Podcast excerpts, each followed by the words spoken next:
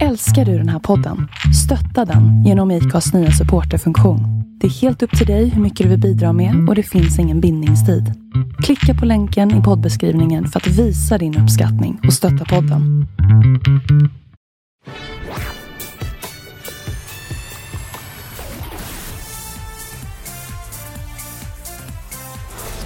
Gud, det känns lite konstigt att säga det här nu, men välkommen till Schlagerfesten! Ja, även om den då är inställd, för att som ni, som, ja, som ni vet så är ju vi inte i Rotterdam nu, vilket vi egentligen skulle ha varit enligt de ursprungliga planerna. Ja, jag tänkte säga det. Jag hade ju hellre sagt hej ifrån något trevligt eh, pressrum i Rotterdam. Ja, Eh, de brukar inte vara så trevliga i och för sig, men, men för all del.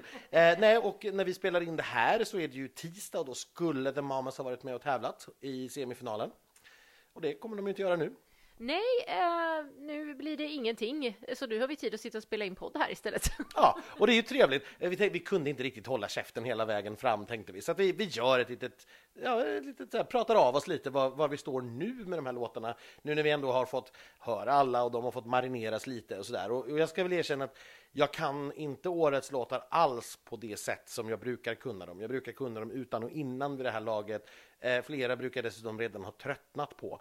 Eh, och där är jag ju inte riktigt, det ska jag säga. Alltså, mitt intresse dog lite grann. Men det är klart att några guldkorn har ju fastnat. Vi har ehm, eh, fått se dem i ett, in, eller i alla fall delvis, i ett införprogram på SVT och det ska vi väl prata lite om.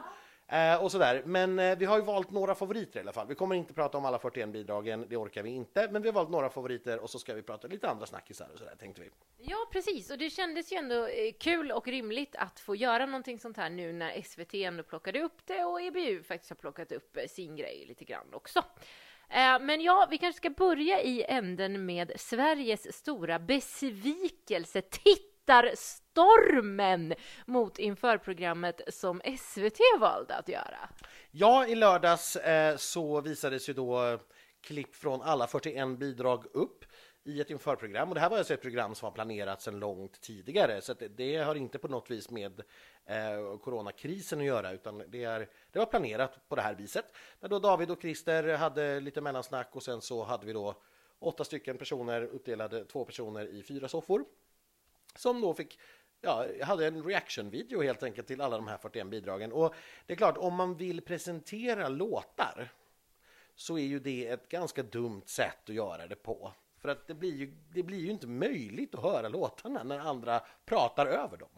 Nej, det känns lite som att programmet var mer utformat för oss superfans som har hört låtarna eh, miljoner gånger redan och kan dem, men vill höra andras åsikter om dem.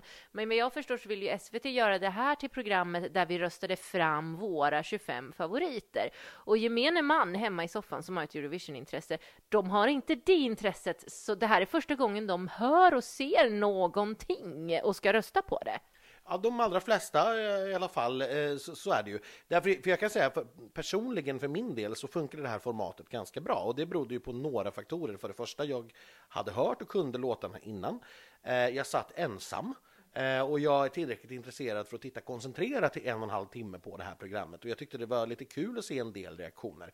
Eh, men jag förstår ju att 99,5 procent av de som tittade på det här programmet har ju inte hört låtarna innan, sitter inte ensamma och är inte tillräckligt intresserade för att verkligen koncentrera titta på ett tv-program i en och en halv timme.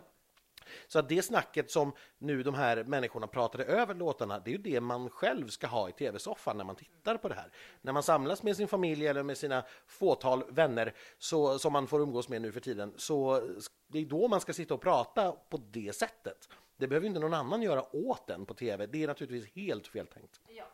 Eh, Men jag kan glädja er alla åt att jag har sett många nämligen oroliga där ute som har kommenterat på SVT och Melodifestivalen och i diverse kvällsblaskor att de är oroliga för att torsdag nu också kommer bli skit och att det inte alls kommer bli bra, så man vågar knappt titta på det. Men här kan vi väl ge väldigt goda nyheter, Anders? Visst kan vi det? Ja, absolut. Det här kommer inte bli eh, någonting alls som det vi såg i lördags, utan här har SVT, eh, det är ju Christer Björkman och Edvard af som tillsammans slagit sina kloka huvuden ihop och de är väldigt kloka. Eh, som ja, har skapat någonting som de försöker göra så likt Eurovision som möjligt. Så att vi kommer att få ett öppningsnummer, vi kommer att få bidragen i sin helhet utan att någon pratar över dem. Eh, vi kommer att få vykort och det har man lagt ner jättemycket energi på att skapa de här vykorten så att varje land kommer att presenteras av ett gammalt vykort eh, som man då har hämtat från de senaste, egentligen 30 åren. Gud vad kul! Och så får vi då Edvard som kommentator, eller? Jajamensan, Edvard kommenterar. Han gör det själv den här gången, eh, men, men eh, så, så, är det. Eh, och sen kommer då en mellanakt. Eh, det blir The Mamas som uppträder live. Eh, och lite annat smått och gott som man inte har velat avslöja än. Och sen får vi då, det finns en expertjury och vi får titta rösterna då via appen. Så att man försöker göra det så likt Eurovision som möjligt helt enkelt och inte alls så som i lördags. Inga experimenterande med nya format här inte. Och nästa då expertfråga som Anders förstås har svaret på som ni kanske undrar, varför gör man då inte det här på lördag när det skulle ha varit Eurovision-final? Jo, det beror ju helt enkelt på det att eh, EBU eh, själva gör en sändning som heter Shine a Light från eh, Rotterdam. Det blir en livesändning med de programledarna som skulle ha lett eh, programmet. Och det är en eh, helt eh, tävlingsfri, eh, tävlingsfritt täv eh, tv-program som, eh, där man då highlightar de låtar och bidrag som skulle ha tävlat. Och riktigt vad det här blir vet vi nog inte riktigt, men vi kan väl förmoda att alla på något vis kommer att, att sjunga Love Shine a Light när, när programmet slutar. eh, tror jag är en ganska intelligent gissning. Ja. Eh, jag, jag, själv får jag väl säga är lite småskeptisk till det där. Jag tror kanske att ja, det kanske inte blir så kul. För att det, vi, vi drivs ju också av det här med att det är tävlingen som räknas. Eh, och att vi nu bara får någon sorts showcase av de här 41 bidragen som vi då faktiskt redan har lyssnat på. Eh, jag vet inte, men fine, jag har ju inte något annat för mig på lördagskvällarna nu för tiden heller, så att eh, jag kan väl... Förutom Eurovision Again då, vilket inte kommer vara på lördag, för då kommer det vara här istället. Ja, precis. Det är ju en annan grej som har hänt här under coronakrisen som Eh, ändå fått ganska stor spridning. Det, det, började med att några fans i Storbritannien eh, kom på att ja, men vi kan väl sitta då, de sitter ju inlåsta i Storbritannien, vi kan väl helt enkelt slå på något gammalt Eurovision-år och titta tillsammans och så kan vi ju live-twittra om det som om det var live. Och så blev det ganska snabbt en grej som spred sig väldigt snabbt så till slut så hakade ju Eurovision själva på det här och sen några veckor tillbaka nu då så varje lördag klockan 21 Eh, så direktsänds ett eh, gammalt Eurovision på Eurovisions Youtube-konto. Eh, vilket innebär att man inte behöver liksom tajma och trycka play och sådär, utan det direktsänds. Eh, och eh, det live-twittras ganska friskt. Det här har toppat Twitter-trenderna både i Storbritannien och i Sverige de senaste veckorna på lördagarna. Och man, man talar inte om heller vilket år det är som ska visas förrän kvart i nio. Vilket är väldigt, väldigt roligt. Och det blir som sagt inte ett sånt på nu på lördag, men sen tror jag faktiskt att man tar upp det igen. För jag vet, eh, jag har hört bakvägen att man faktiskt har jobbat med att få säkra rättigheter eh, och så här för att få visa program eh, längre tillbaka. Men vi får se hur länge det håller på. Jag vet inte om det finns någon plan, men jag tror, som jag har förstått i alla fall, att det blir på söndag att det blir en Eurovision again. Åh herregud, då måste vi festa på söndag med den här veckan. Man kan titta på Eurovision även utan att dricka bubbel. Svar nej. Om du hade, hade tänkt att titta i ett pressrum på Eurovision så är det väldigt sällan. Det är i Danmark, där får man dricka bubbel, men inte någon annanstans. Nej, Självklart, men eh, ja. Waha, så är det. Eh, jag var ju rädd för att här skulle sluta nu eh, fram till Eurovision då, men vad härligt att höra att det fortsätter. Och vad härligt att höra att vi är här och att vi får tycka till nu om lite av våra favoriter, för det är så vi har tänkt. Vi har plockat tre favoriter var och sen Eh, och som jag, vi då också tycker ni ska hålla lite utkik efter såklart och kanske rösta på på lördag, eller torsdag, förlåt. Eh, och sen också lite snackisar såklart, för er som eh, har missat försnacket helt enkelt. Ja, i den mån det nu blev något försnack då. Det dog ju ganska snabbt. Men, jo, jo, men det ja. finns ju alltid i, saker. Absolut så. Eh, ska, ska jag börja med en av, eller med, med, med, min stora favorit kanske? Ska vi börja med våra största favoriter? Ja, vi kan väl börja så. Ja. Eh, för min stora favorit, eh, och då vill jag verkligen vara tydlig med att för mig så är det här ett år där jag egentligen saknar någon jättefavorit. Jag, det finns ingen låt här som jag känner det här är mitt bidrag i år. Däremot finns det flera som jag tycker är riktigt, riktigt bra. Och när jag har vägt det här, så här fram och tillbaka så har jag liksom landat i att den den jag nog hade lagt min röst på är Bulgarien.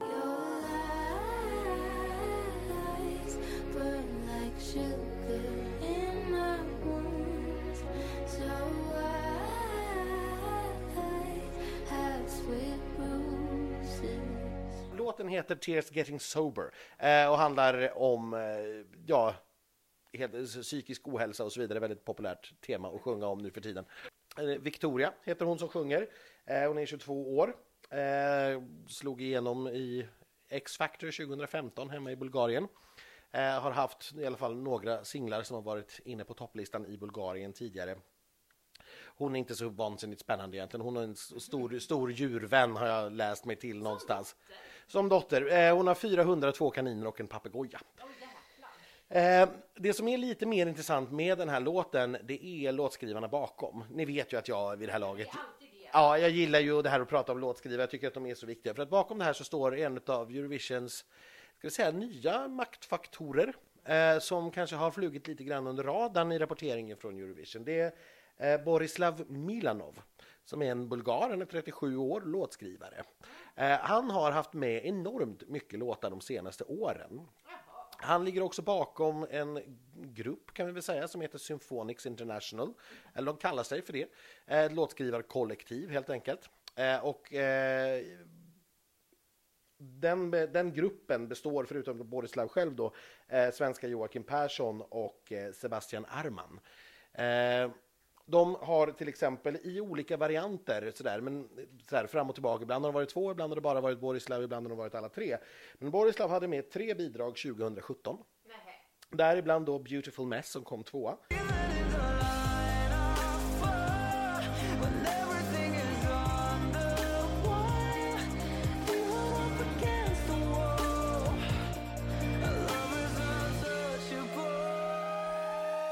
Fantastiska Dance Alone som tävlade för Nordmakedonien.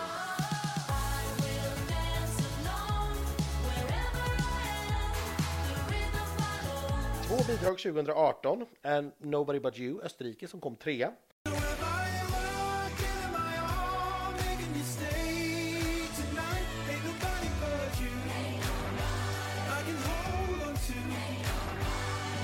Och Bones från Bulgarien då, som jag inte riktigt minns var den kom sjua, åtta.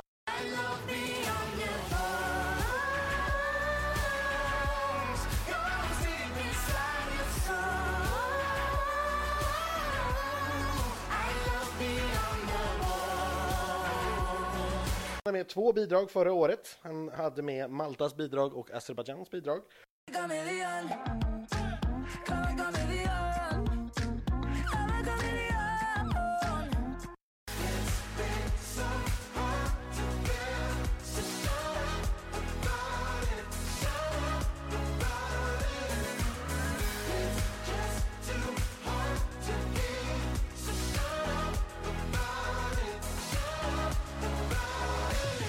Han skulle haft med tre bidrag i år, eh, förutom då Bulgarien, så Tyskland och Malta. Men gud, det, det här är, det är, ju, det är ju Jimmy Jansson of Eurovision. Ja, det är det faktiskt. Det är, det, han går snabbt upp nu här till antal bidrag om vi börjar jämföra med Ralf Siegel eller Thomas Gesson eller sådana. Eh, den här låten dock har han skrivit ihop med eh, svenska Cornelia Wibols och Lukas Oskar Janisch som är en österrikare som faktiskt bara är 18 år gammal. Eh, vilket jag tycker är lite spännande. Involverad på produktionssidan här är också svenska Fredrik Toremark som är 22 år från Arvika. Många snygga, unga, manliga låtskrivare som jag nu missar på Eurovision. Ja, eh, så är det. Eh, men det, det här är en låt som den var faktiskt etta på oddslistorna när beskedet kom att Eurovision var instängt, inställt. Eh, så att det var den som låg allra överst hos bookmakers och hos spelarna. Nu var det väldigt, väldigt jämnt i toppen, ska sägas. Eh, men det här har varit ett år där det till skillnad från många tidigare år inte har varit någon favorit som har dragit iväg.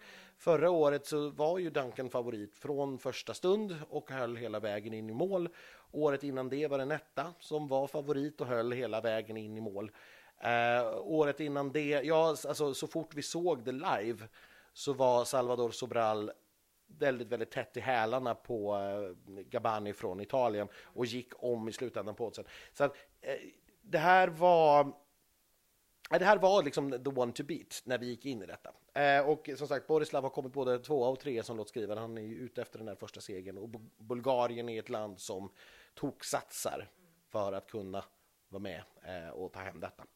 Så att jag är lite ledsen att jag inte får se hur det här ser ut live. Det känns som att det är en väldigt lugn och fin och vacker låt. Det är det vi satsar på. För det är nämligen min favorit också. Min stora, stora favorit. Jag kommer inte prata lika länge som du, för att jag har inte läst på om de här stackars låtskrivarna förstås. Men min artist är faktiskt medlåtskrivare på sin egen låt. Han heter, eh, ja, uttal här då, Ja. John. Kan man heta det? eh, och han har skrivit den här, inte helt själv, utan ihop med eh, tre andra killar, får jag förutsätta, när jag läser namnen på dem. Men jag, jag har inte läst på om dem, men om John då har jag läst på. Och eh, det är Sch- Schweiz vi pratar om. Jag försöker lära mig uttala det där. Ja, Schweiz. Schweiz.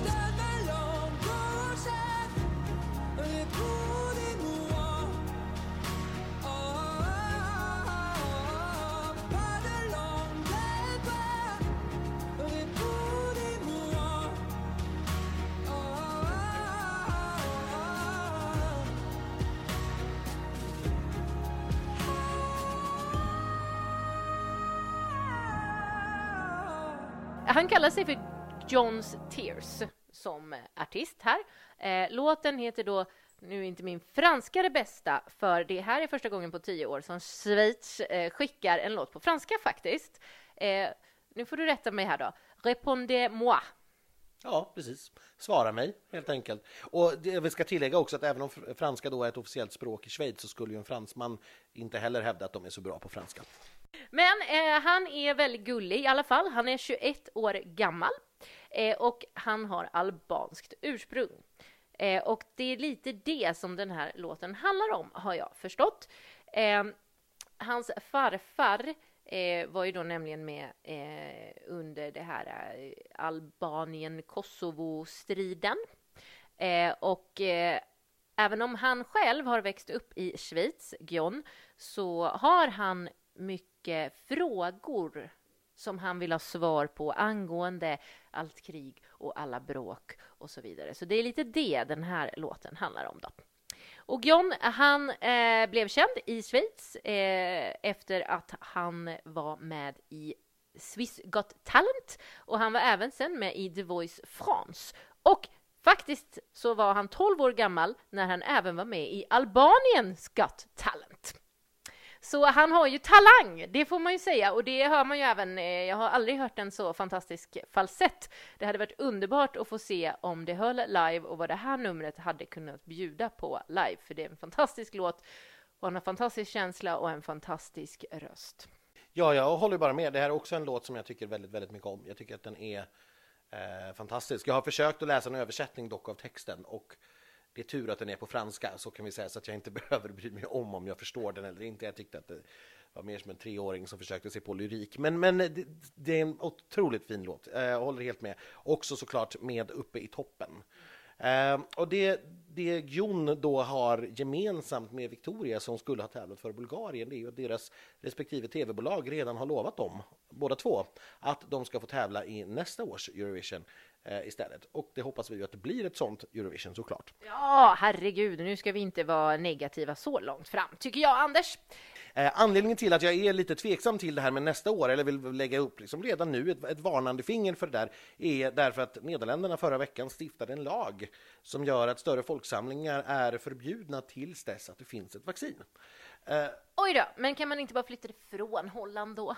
Eh, Ja, vi får ju se hur det här går, eh, men det är klart att det, det här är ju inte liksom i första hand en regel eller lagfråga, utan det är ju en hälsofråga. Och finns viruset med en stor spridning så kommer det här bli svårt även nästa år. Men vi behöver ju som sagt inte se så långt fram i tiden än, det vet vi ingenting om. En tredje artist som också ska vara med och tävla 2021, eh, det är då mitt eh, andra eh, bidrag som jag har valt ut här, det är Rumänien. I'll call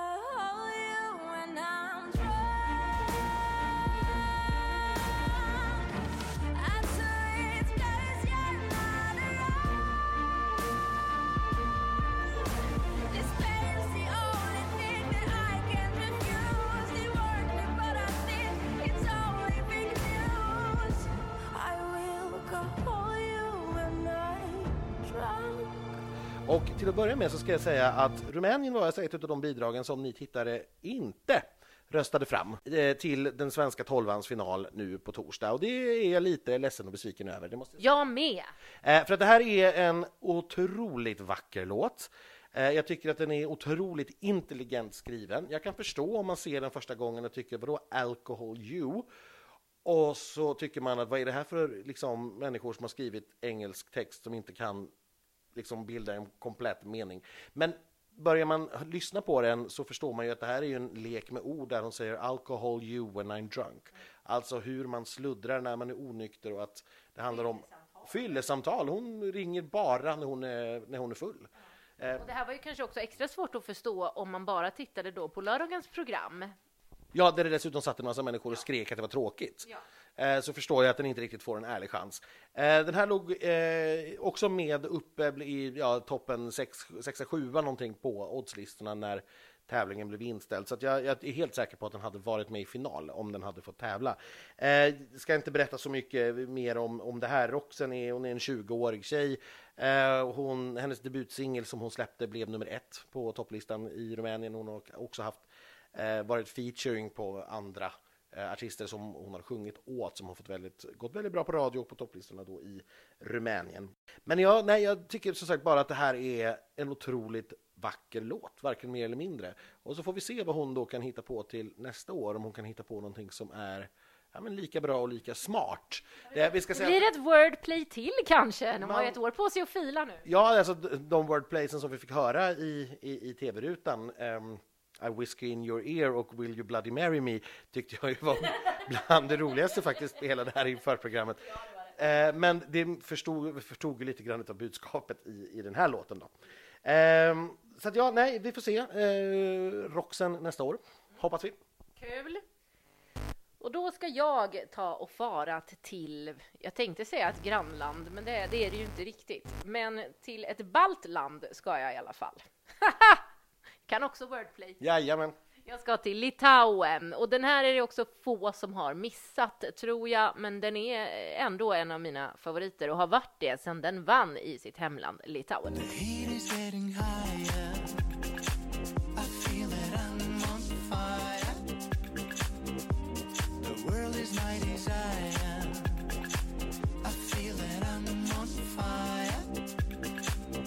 Är gruppen The Roop som består av tre stycken killar eh, och ja, deras musikstil som de själva beskriver det, rock, poprock, softrock, dansrock, indie och pop. Raka, klara, tydliga besked, det tycker jag om när man är tydlig med vad det är man, man gör. Allting de gör innehåller pop i alla fall. Det gillar vi ju, vi gillar ju pop. Vi gillar ju pop. Eh, de här eh, har funnits sedan ungefär 2014. De har fått mycket uppmärksamhet i Litauen, framförallt kanske på grund av eh, sitt lite udda scenspråk. Eh, här har vi ju några som har verkligen hakat på TikTok-trenden som du ska prata lite mer om sen, Anders. Eh, men eh, sångaren här då heter Vaidotas. Såklart han gör. Och han ser ju lite speciell ut. Eh, men förutom att låten är right up my alley så är ju numret, den fantastiska signaturdansen, allting sånt där som jag är svag för. Och det är precis så att det inte blir töntigt. För om vi till exempel kanske pratar om Ryssland sen också, så tycker jag att den är också festlig och har en rolig dans, men den blir lite för löjlig. Medan eh, Litauen och The Roop eh, och låten On Fire eh, faktiskt håller sig precis på nivån att det faktiskt bara är snyggt samtidigt som det är galet och, och frams... Liksom helt på rätt eh, sida linjen, liksom. Eh, så jag eh, tycker det här är också otroligt synd eh, att vi inte fick se. Det hade varit så kul eh, att se vad Europa tyckte. I Sverige har vi ju gillat det, vi har röstat det till final. Ja, det, jag, jag håller ju bara med. Jag tycker att det här är, är också eh, en, en av de låtar som, som jag tycker är allra, allra bäst. Den var tvåa på oddslistorna när vi eh, stängde eh, tävlingen för i år. Så att vi, eh, eh många andra tyckte det. Det var ju en av de riktigt stora och heta favoriterna, således. Eh, men Ryssland sa du, det är ju mitt tredje bidrag som jag vill plocka upp.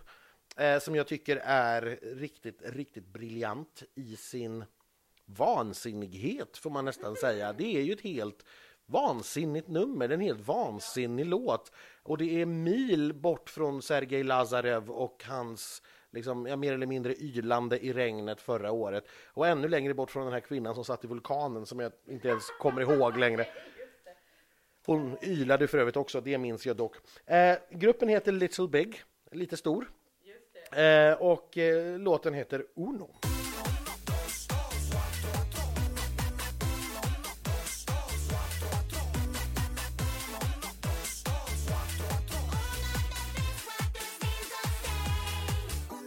Det här, den här gruppen är otroligt framgångsrik. Vi ska, jag ska dra lite siffror här så vi förstår exakt hur stor den här gruppen är. Den består av fyra personer, ska jag säga. Eh, Ilja, Sergej, Sonja och Anton. Man behöver inte fråga vilket land de kommer ifrån på de namnen. Eh, de bildade sitt band eh, 2013 i Sankt Petersburg eh, och tog väl, ja, det tog ett litet tag innan de fick något genombrott, men sen har de framförallt blivit en Youtube-sensation. Eh, De passerade över en miljard Youtube-visningar redan 2019 eh, och det senaste året så har de haft 738 miljoner visningar och mindre än hälften av dem kommer från Ryssland. Så att en majoritet är från andra länder och det är klart, det är ju ett enormt bra utgångsläge om man hade tänkt sig att tävla i Eurovision Song Contest, vilket ju de här då hade tänkt sig att göra. Hoppas att de inte kommer tillbaka nästa år. Eh, nej, det har rysk TV inte sagt någonting alls om eh, och det brukar dessutom vara så att det hyschas lite där. Eh, så vitt jag vet så turas dessutom Ryssland om mellan två olika tv-bolag att skicka bidrag eh, så att det blir ett annat tv-bolag nästa år och då vet man inte. Det här är ett vansinnigt smart val. Eh, och de släppte faktiskt en ny singel nu i veckan, eh, Hypnodance, som man kan gå in och lyssna på om man tyckte om Ryssland. Eh, och eh, lika skogstokig video såklart där. Det, det här bygger ju mycket, mycket mer på visuellt än eh, liksom egentligen musiken. Men jag tycker också att det här är en skitbra låt, rent ut sagt. Kanske inte så, så att jag egentligen går och lyssnar på det, men på ett dansgolv eller som sagt som en visuell Eh, alltså som en visuell berättelse är det, är det, är så smart gjort, det är otroligt smart gjort. Eh, en av de sakerna som jag kommer att sakna mest med årets Eurovision Eh, och, och då ska jag ändå säga att jag, jag kom över det här ganska snabbt. Alltså, i, in the grand scheme of things så var ju Eurovision, ja det var jättetråkigt att det blev inställt, men det var ju bara en i raden av saker som blev inställda. Eh, så att jag kom över det ganska fort. Efter melloturnén så kom ju det här ganska omedelbart. Jag, jag kunde liksom släppa det ganska omedelbart och, och hade inte så där jättemycket intresse av låtarna eller någonting annat heller egentligen som rörde Eurovision. Men det jag på riktigt saknar är den här typen utav okej, vi har ett antal favoriter nu. Vilka kommer, när vi får se dem på scenen, falla ifrån? Vilka kommer att göra bort sig? Vilka låtar utav dem som vi inte har pratat om kommer helt plötsligt att liksom propella upp och bli en jätteutmanare? Det var ju ingen som pratade om Eleni Foureiras Fuego upp i toppen förrän vi såg henne, men då jäklar. Ehm, och här har vi då ett sånt typexempel, för att eh, Little Big, de är bara fyra i gruppen, men varje gång de har framträtt med den här låten och i videon så är de sju personer. Och de får ju bara vara sex. Vem får inte åka? Att jag aldrig kommer få svar på den frågan, sånt kan liksom eh, låta mig ligga sömnlös som slagen upp. Ja, för alla i videon gör ju, är ju också sin egen karaktär på något sätt, så det fanns ingen så här, ja men den där gör inget speciellt liksom. Nej, och som sagt alla fyra medlemmarna måste ju vara med och sen har de då tre till, däribland då den här fantastiska dansaren. Eh, eh, så att, nej, jag, jag vet inte hur de hade löst det, men och att jag aldrig får svar på det. Ja, kanske nästa år då, möjligen. Exakt, om de återvänder, vilket vi ju inte hoppas, för då finns ju en väldigt stor konkurrent. Men då ska jag till min tredje favorit, som kanske har varit den allra största snackisen av dem alla inför årets Eurovision. Till och med folk som inte gillar Eurovision eller vet någonting om Eurovision knappt har hört den här låten. För du, P3 plockade upp den på sin playlist. Så bra är den, Anders! Eh, nu, nu tycker inte jag att P3s kanske rotationslistor är ett särskilt bra mått på bra musik rent generellt. nej, men, men- men, jag håller med om att is, förstår vad jag menar. jag förstår precis vad du menar att isländska Eurovision-bidrag plockas upp på P3 hör väl inte till vanligheterna. Nej. I alla fall inte före Eurovision. Nej, nej. Och det är det som har gjort att eh, även folk utanför Eurovision helt plötsligt har hört den, för det är inte jättemånga, nu generaliserar jag, P3-människor som också är intresserade av Eurovision. Om vi ska generalisera. Det får vi göra, det gör vi friskt i den här podden. Ja, och vi lär få kommentarer om vi har fel. Jo, men så det här är då den fantastiska 208 lång Daddy Fryer ifrån Island. Eh, och Daddy Fryer har jag lärt mig det är hans förnamn, båda namnen, för på Island heter man ju alltid Son i efternamn. Eh, och han heter någonting Son i efternamn som jag inte har kollat upp, för det är inte viktigt, kände jag. Daddy Fryer, det går jättebra.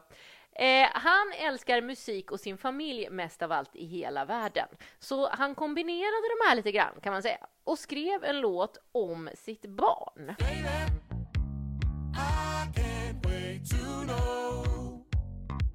What do you think about things? Believe it, I will always be there so you can tell me anything and I'll listen. Han fick en dotter ihop med en av bandmedlemmarna. För det ska vi ju säga, Daddy skickar ju inte bara sig själv utan han tar med då sitt band som heter, min isländska är inte heller jättebra, Gagna Magni. Ja, det är jättebra. Gang, du talar Gagna Magnit bättre än Schweiz, skulle jag vilja säga. Hurra! eh, och där finns hans fru med. Och de har en liten dotter. Och när hon föddes så tyckte han att det var lite för svårt, eller det var lite svårt att förstå vad hon menade, för det är inte ofta spädbarn eh, kan prata eller förmedla så bra vad de känner. Och då skrev han en låt på det här temat. Och den heter då Think about things. Och handlar om jag skulle eh, älska att veta vad det är du tänker på och vad du eh, säger, eller liksom vad är det som pågår inne i ditt lilla huvud? Ja, ja, och sen också bara så här att men jag finns alltid här när du kan prata och så vidare. Fantastisk låt. Eh, sen är det ju inte bara låten förstås som har fått uppmärksamhet utan även här är det ju numret och framträdandet och hela gruppens visuella eh, bild. eh, de har eh, pyjamasaktiga eh, kläder på sig i härlig grön färg med lite så här åtta bitars figurer av sig själva. Eh, och de gör ju en fantastisk dans och koreografi framför allt. Eh, och den här dansen eh, har jag lärt mig nu faktiskt efter många månader. Helt i onödan förstås eftersom jag aldrig kommer kunna visa upp den på något Euroclub. Eh, men ja, eh, han har varit med tidigare i den här sångknäppen Eh, Sen vackert Niss. Eh, och eh, nu fick han äntligen vinna. Eh, och eh, man älskar ju Eurovision på Island, så det här var förstås jättestort för Daddy. Han hade sett fram emot det. Till vardags är han annars i Berlin och gör eh, musik eftersom han är DJ. Och vi fick ju se honom live och han alltså mixade alltså Eurovision och schlagerlåtar till någon form av Berlinklubbmusik. Alltså det var så häftigt. Min favorit var ju förstås Ladde Svinge i det här formatet. Alltså, det var sjukt!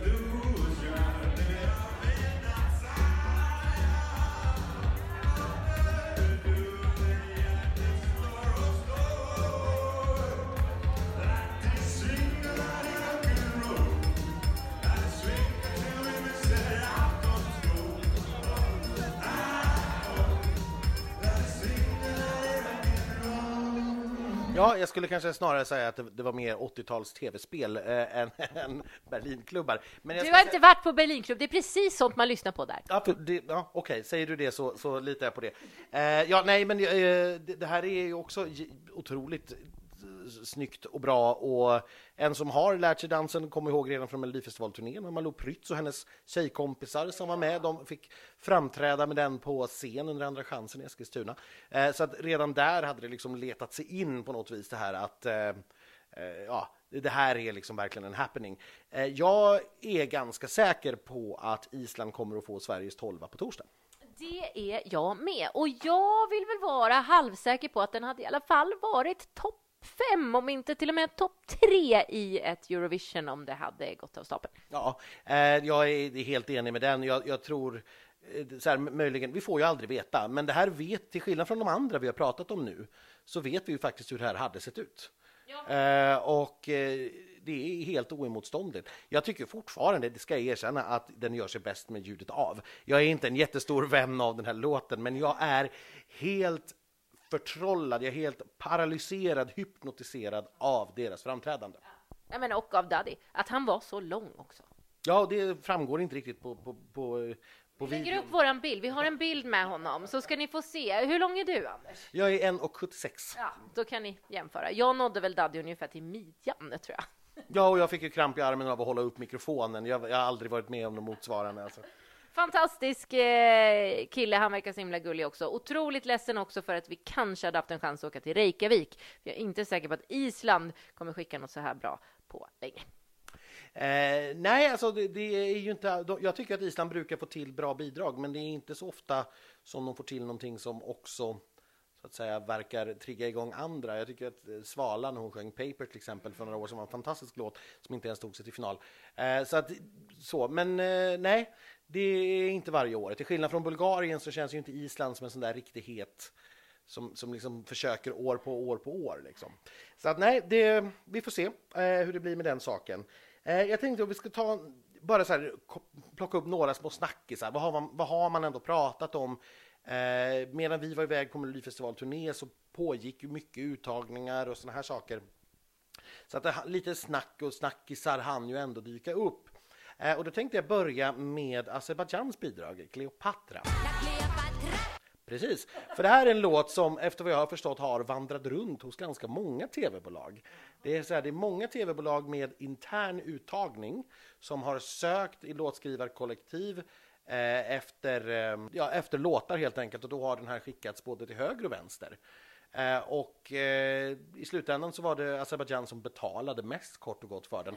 Jag vet att det finns en inspelning med San Marinos artist Zenit eh, av den här låten. Så att de var med i slutändan och ville verkligen ha den. Eh, nu blev det Azerbajdzjan. Jag, jag är ju lite, kanske lite gammaldags och konservativ i det här fallet. Jag förstår ju inte riktigt vitsen med att ställa upp och tävla i Eurovision Song Contest om du ska köpa din låt. Eh, eh, men, men det är en helt annan diskussion som är mycket, mycket mer långtgående. Eh, och jag har verkligen ingenting emot liksom, internationellt samarbete. Det, det är inte det det talar om. Men det här att Azerbajdzjan år efter år efter år liksom bara köper låtar och sen har man, köper man hela team med liksom, ja men det, det, det enda som jag ser är det är artisten som står på scenen och det, jag vet inte, jag, jag kan tycka att det där är lite småtrist. Eh, I alla fall när det sker varje år hela tiden. Eh, nåväl, eh, en annan sak eh, som har kommit eh, upp till ytan är ju naturligtvis när vi pratar om Ryssland, eh, homofobianklagelser. Lika givet som, ja, jag vet inte, vad är, vad är väldigt, väldigt givet? Bubbel på Euroclub. Bubbel på Euroclub, ja, precis. Det är lika givet som någonting annat som är väldigt givet i alla fall. Det, är- det, det är helt enkelt en video från Bryssel Pride. Eh, och nu minns jag inte vilket år det var, om det var 2017 eller någonting liknande, när man tydligt ser att två av bandmedlemmarna går runt eh, inne i Bryssel. De har varit där på någon sorts spelning och så eh, ja, går de runt och eh, filmar helt enkelt människor som ska vara med i Pride-paraden och eh, uttalar sig mycket, mycket nedlåtande och eh, ganska elakt om detta. Eh, och det är en lång video, den är på många minuter. Och Vilka var det? Var Ryssland. Ryssland, ja precis. Och det är klart, det här hade de ju haft jobbigt att försvara när de var på plats i, i Rotterdam. För det är någonting som Eurovision-fansen inte ser. Man ser inte på det med blida ögon, så att säga. Och jag vet inte riktigt hur de hade tagit sig ur den knipan faktiskt. För det, var, det, det är riktigt grova ord som används i, i den videon. Eh, och det här behövde ju nu då aldrig bli en snackis på riktigt, men den var ju så att säga under uppsegling och hade blivit en jättesnackis i Rotterdam. Den bubblade. Absolut så. Eh, och sen till sist skulle jag också vilja ta upp lite grann om de trender som vi ändå då tydligt har sett i år. Det är två stycken trender som vi väldigt, väldigt tydligt kan identifiera och det är de som också ligger i topp. Det ena är Billie Eilish-trenden. Ja, åh gud. Vi, vi ser att eh, både Rumänien och Bulgarien har gått på det spåret. Man skulle möjligen med lite god vilja kunna trycka in Schweiz där också. Nu är inte han en, en kvinnlig sångerska, men det finns ändå nå- stilen, eh, känslan av eh, liksom väldigt arty sådär sk- skulle man kunna trycka in. Och den andra trenden som du var inne på då, TikTok-trenden, att man gör bidrag som är anpassade för TikTok. Eh, vilket i sig naturligtvis är skitsmart eftersom det är det är där musikkonsumtionen just nu växer snabbast. Eh, och det är ju ett sätt att få spridning för sin musik naturligtvis i eh, sociala medier. Här har vi Island, Litauen och Ryssland. Eh, och, och det på något vis, det hade varit otroligt spännande att få se hur det hade gått för de här bidragen om vi hade kunnat få någon tydlig trend eh, där, att- alltså någon, någon riktning. För att jag, sånt där är alltid så farligt i Eurovision om någonting sånt går riktigt, riktigt bra. Om alla tre TikTok-bidragen hade hamnat i topp tre så hade ju inte någon annan gjort något annat nästa år. Och att försöka sig på då från Montenegro eller liksom Slovenien med någon sorts, nu menar jag inte just dem specifikt, men ni förstår vad jag menar, att, att allt helt plötsligt ska vara TikTok, det blir helt outhärdligt. Så att det hade varit lite spännande, lite nervöst eh, hade det varit. Men jag tror också att det kommer att peka ut ganska mycket riktningen för vad vi kanske kan förvänta oss i Melodifestivalen 2021. Jag hoppas det. Jag hoppas också det, för ska vi nu så här, ska vi prata om, om Sverige och försöka gissa oss hur det hade kunnat gå så kan man väl säga att det som talar till Sveriges fördel är att vi har ett bidrag som sticker ut. Det är ingen annan som har något sånt, eh, den typen av musik. Å andra sidan så finns det så många Billie Eilish och så många TikTok så att jag tror att liksom, det är liksom bound to happen att någon, någon av dem eller flera av dem liksom på något vis hade sprungit om oss för att de fångar uppmärksamheten mycket, mycket mer. Men vi, vi får se vad som händer där. Vi har väl hört i kulisserna att man redan är inne och jagar låtar till Melodifestivalen nästa år och det är såklart beroende på att eh, De har Eurovision- inget bättre för sig. Nej, precis. Eurovision är inställd. Nor- Normalt sett så brukar det gå till så att eh, liksom SVT satsar allt på Eurovision och åker iväg eh, och sen när man kommer hem börjar man ta en runda med alla skivbolagen och liksom börja prata om det. Men nu har man redan börjat och är dessutom ganska konkret så man till och med redan är nere, nere på, på, på låtar faktiskt. Eh, och det är kul. Jag hoppas att eh, det innebär att vi får hög kvalitet och många bra låtar när man får längre tid på sig att så att säga beställa, ta fram och sålla.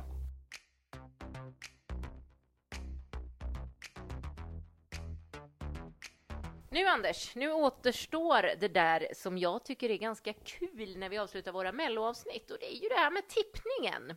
Mm. Och det här är ju naturligtvis skitsvårt nu att tippa vem ska vinna Sveriges tolva. Eh, för nu är det ju då att vi har en expertjury eh, och vi har tittare som appröstar. Eh, och vad är det då som kommer att föra ihop det här? Jag, mm, ska, vi, ska vi bestämma oss för att vi tippar en topp tre helt enkelt? Ja, så Sveriges åtta, Sveriges tia och Sveriges tolva. Precis. Eh, Sveriges åtta tror jag skulle gått till Norge. Och det är dels därför att eh, jag tror att vi gillar vi gillar Ulrike, det vet vi. Vi gillar Norge, det vet vi. Eh, och det är en sån typ av ballad som liksom, tv-tittare som sitter i ett mode att nu ska jag bedöma en låt, brukar gilla den sortens liksom, idolvinnarlåtar. För det är ju verkligen en idolvinnarlåt med guldregnet och alltihop bakom. Så att ja, jag sätter eh, Norge på 8 poäng, det är min tippning. Eh, 10 poäng tror jag Frankrike får. Oj då. Ja. Eh, och det, dels har jag noterat att det här är väldigt populärt. Det är jättemycket folk som skriver på SVTs Facebook-sida och på andra forum om hur mycket de tycker om den här låten. Jag tycker kanske inte att det är jättekul. Eh, jag tycker att det är ganska mossigt, får jag väl säga. Men vi får inte glömma bort heller att det är John Lundvik och Gesson och Peter Boström som har skrivit det. Det kommer naturligtvis att nämnas. Eh, det ger pluspoäng och det är också på samma sätt som Norge den typen av ballad som man liksom blir imponerad av när man sitter hemma och verkligen är inne i något mode att jag ska bedöma det här. Och sen är det ju en skitsnygg video som kommer att visas när han står på Eiffeltornet och han, du hade ju inte ganska snygg man. Han föll precis utanför min snygglista. Precis vad jag tänkte säga, det är ju inte en helt Eh, det är en ganska fager man det också. Eh, och 12 poäng eh, tror jag är ganska klart till Island. Jag tror att juryn kommer inte kunna motstå Island. Jag är inte säker på att tittarna har den på första plats. Jag tror att tittarna möjligen kan ha Frankrike faktiskt. Men jag tror att Island kommer att få Sveriges 12 och kommer att få en liten glasstaty skickade till sig. Ja, de får det till och med. Ja, eh, jag kommer inte, jag, jag kommer nu då börja på tolvan just för att ja, det går inte annat än att hålla med. Det är klart att jag också är ganska övertygad om att Island kommer få Sveriges tolva. Eh, jag är ju också inne på ditt spår eh, med Norge. Eh, för det brukar bli så i Eurovision. Alltså, även fast vi har jury så blir det att... Och det är mycket för att vi har samma musiksmak också. Vi gillar den musiken. Och som du säger, det kommer nämnas att det är... Ja, just Ulrike då från Norge har ju inga svenska låtskrivare, men ja, det känns. Eh, och därför sätter jag också åttan till vårt grannland Danmark. Och det gör jag därför att det är en ganska festlig, härlig, Smith Tellig, fast mer poppig eh, låt skriven av allas vår Jimmy Jansson och Linnea Deb. Och det tror jag också kommer nämnas och eh, Jimmy gillar man ju här i Sverige. Eh, man gillar nog den typen av musik. Eh, och det är grannlandet Danmark. Ehm, Ja, och det här skulle ju ha varit Jimmy Janssons första Eurovision, så jag skänker en liten extra sorgetanke till honom. Ja, det får man säga. Det är jättetråkigt också att Linnea som inte lyckades få med en enda låt i Mello i år eh, inte heller liksom fick eh, åka till Eurovision för Danmark. Ska vi, vi får inte glömma bort det. Nej, eh, nej det är lite tråkigt, men nya tag som sagt. Eh, de där två eh, kommer att ut, uträtta stordåd i framtiden ihop också, det är jag säker på. Ja, och Jimmy kommer säkert få åka, kanske via Sverige nästa år.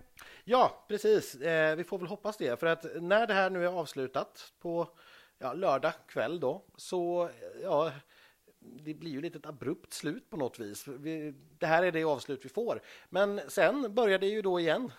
Det här, ja, september, mm, börjar skickas in låtar, börjar mumlas lite om vilka artister som har skickat in. Eh, en jury ska sammanträda, vi får veta hur eh, turnéplanen ser ut, var, vilka städer som vi då hoppas ska få besök av Melodifestivalen. Eh, och ehm, Ja, och så är liksom det här hjulet igång igen. Men först ska vi ha lite sommar eh, däremellan och så vidare. Eh, så att, ja, tack bara alla som har lyssnat på oss den här säsongen. Ja, och kul att vi fick göra ett litet eh, inhopp här ändå, eh, en sista gång eh, innan det är dags att ta paus tills Mello drar igång. Eh, jag hoppas att ni får en jättehärlig sommar och så hörs vi igen någon gång i höst förmodligen. Stay safe, stay home! Save lives, hej då!